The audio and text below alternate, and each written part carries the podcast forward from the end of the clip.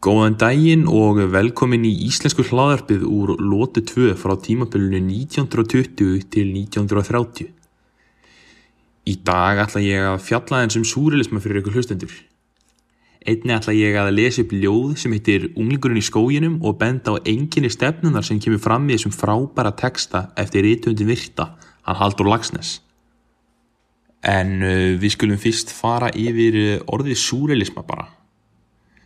Sagt hefur verið að orðið súrilismi hafi komið frá skáldi að nafni Apolliner en það kom frá undirtilli úr leikriti sem hann samti árið 1917. Talið hefur verið að það hefur verið stopnað formlega árið 1924.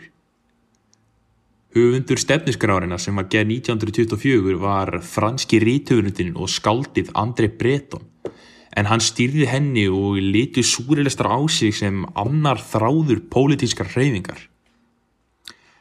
En hvað er súrilismi? Sko, súrilismi næri við stórt svið og hann læti sér hveða í margvíslegum listum og greinum bókmynda til að myndi ljóðum, kvikmyndum og skáldsögum og hefur það bæði áhrif á þjóðfélagslega og síðferðilega skýrskotun.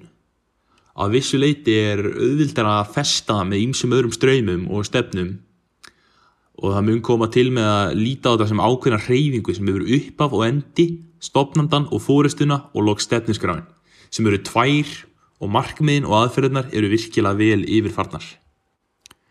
En hver er uppbrunni súrilisma? Uppbrunni súrilisma var á milli heimstyraldana Það sem myndaðist bókmæntastefna og listastefnan sem sagt um árið 1920 til 1940. Þessa stöfnur tók upp natni súrilisma. Súrilismi var til formlega í Paris í Fraklandi árið 1924 og stopnandin eins og ég sæði áður var franski ríturundin og skaldið Andrei Breton. Súrilistar eru ekki ólíkir datistum að mörgu leiti báðir vildu, vildu hrist upp í hugmyndum okkar um lífið, upplifanir og skinnjun og vildu þeir báðir fara upp á móti ríkjandi hugsunarháttum fólks. Og helst vildu þeir komast að ofur veruleika með því að til dæmis minka mörkin á ímyndun og veruleika. En þeir leituðu í kjölfarið í þessu kenningar fröyt sem skipningu hugans meðvutund og undir meðvutund. Megin aðferð súrilista er að félast í svo kallið automation og flæði hugsana sem orðað það sem með yngripp vitsmuna án framrásari veit. Og þannig er það ymmit sem að súrilistar vikkuði skínheima á sjóndeldarhing manna og losnaði við vanabundin hugsanarhátt og sálarlífsins. Núna skulum við færa okkur yfir hérna í unglingurinn í skóginum, ljóðu eftir hann Haldur Kiljan Lagsnes. Ljóðið byrjar svona. Mig dreymdi ég gengi í skógin eins og í fyrra, er ég gekk út í skógin með stöllu minni og stóð á bakkanum við lækin. Þá kemur unglingurinn í skóginum, hlaupandi með ungan teinung í hendi sér, klættur skikju sem var ofin úr laufum. Hann lítur niður að læknum, eis vatni í lofa sér, þeitir í loft upp og segir Eia, eia, eia vatn, eia perlur, Eia leikur, leikur í sólskinni út í skói. Þú ert orðin fullkominn síðan í fyrra vor. Hver fór skógin? Kisti anemónur og hló. Anemónur og anemónur. Og fór að gráta. Táta, viðslings táta. Kondu litla nótin táta. Að kissa pótin táta. Út í skói.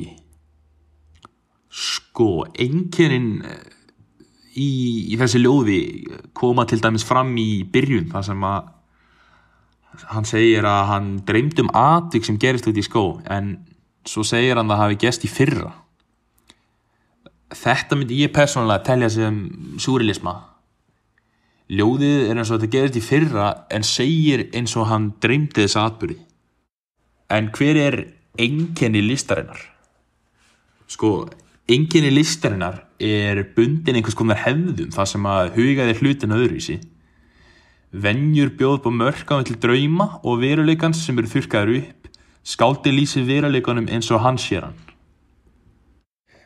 En uh, þetta er þá bara allt og sumt sem ég hef að segja um súrilisma á enginni þeirra stefnu. Ég heiti Bjarni Már Ástason og ég þakka fyrir mig.